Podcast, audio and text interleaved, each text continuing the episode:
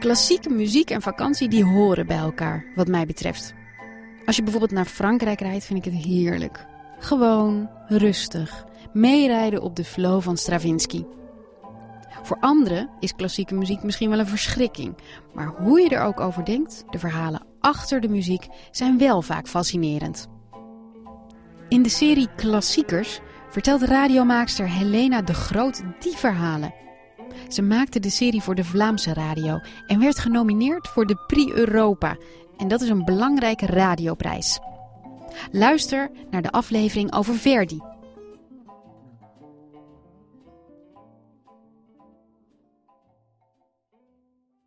Opera is geen makkelijk genre. Uh, alles is zo, zo groot en, en intens. En als dat niet je ding is, ja, dan is het meteen ook zo belachelijk. Zo bombastisch. Die massa volk op het toneel, uh, de historische kostuums, ja, de, de gezongen dialogen natuurlijk. Maar als je daar wel in kan opgaan, dan is opera het mooiste ooit. Groter dan jezelf. Ontzettend meeslepend. En het beste voorbeeld hiervan is, is Verdi. Hij bracht altijd verhalen vol drama en spanning. En muziek was ook ontzettend catchy. Uh, je kwam echt al neuriënd de opera uit.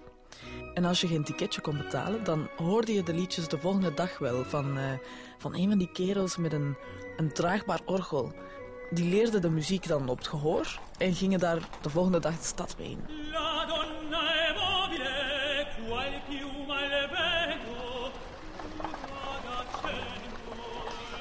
Zijn muziek sprak ook zoveel mensen aan, omdat hij echt universele verhalen vertelde.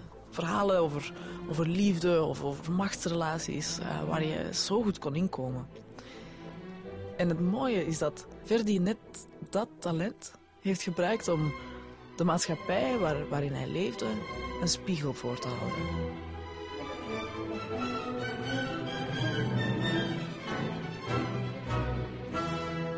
Verdi leefde in een gehuchtje in Parma.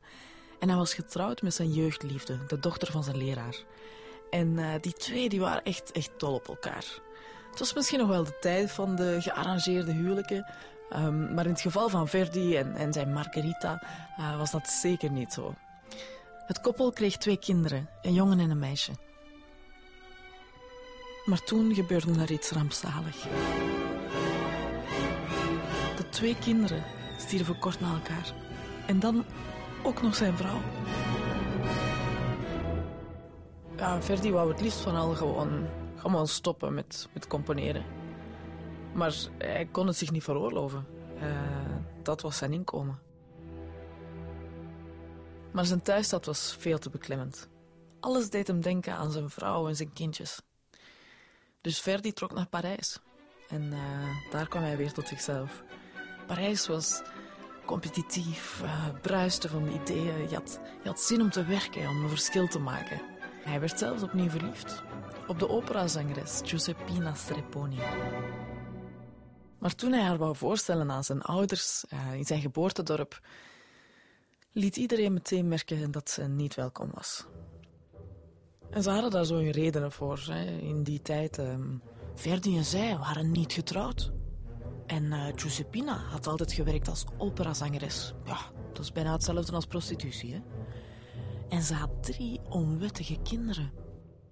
Groot schandaal. Dat was te veel voor die vrome christenen.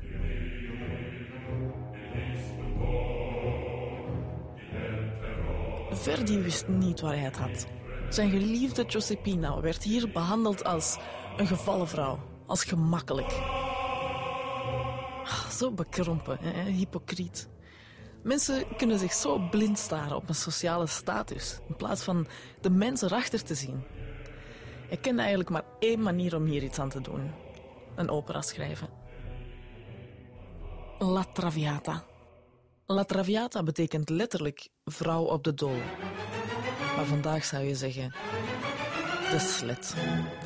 En La Traviata is het verhaal van een courtisane, Violetta. Um, een prostituee eigenlijk, van hoge afkomst. En je ziet haar op, op feestjes die ze organiseert. En, en altijd wordt er gedronken en gedanst. En het Puriteinse publiek zit natuurlijk al klaar met zijn oordeel. Ze zal haar verdiende loon nog wel krijgen. Maar Verdi weet goed wat hij doet. Hij maakt van Violetta een echte mens. Een mens waar je van kan houden. En hij geeft daar ook systematisch de mooiste muziek om te zingen.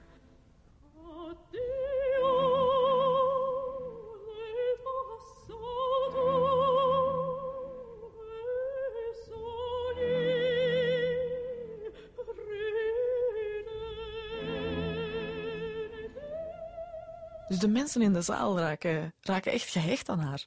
En, en tegen het einde van het verhaal zijn ze ook helemaal van gedachten veranderd. Maar dan houdt Verdi het publiek een spiegel voor. Jullie wilden haar straffen en laat haar sterven.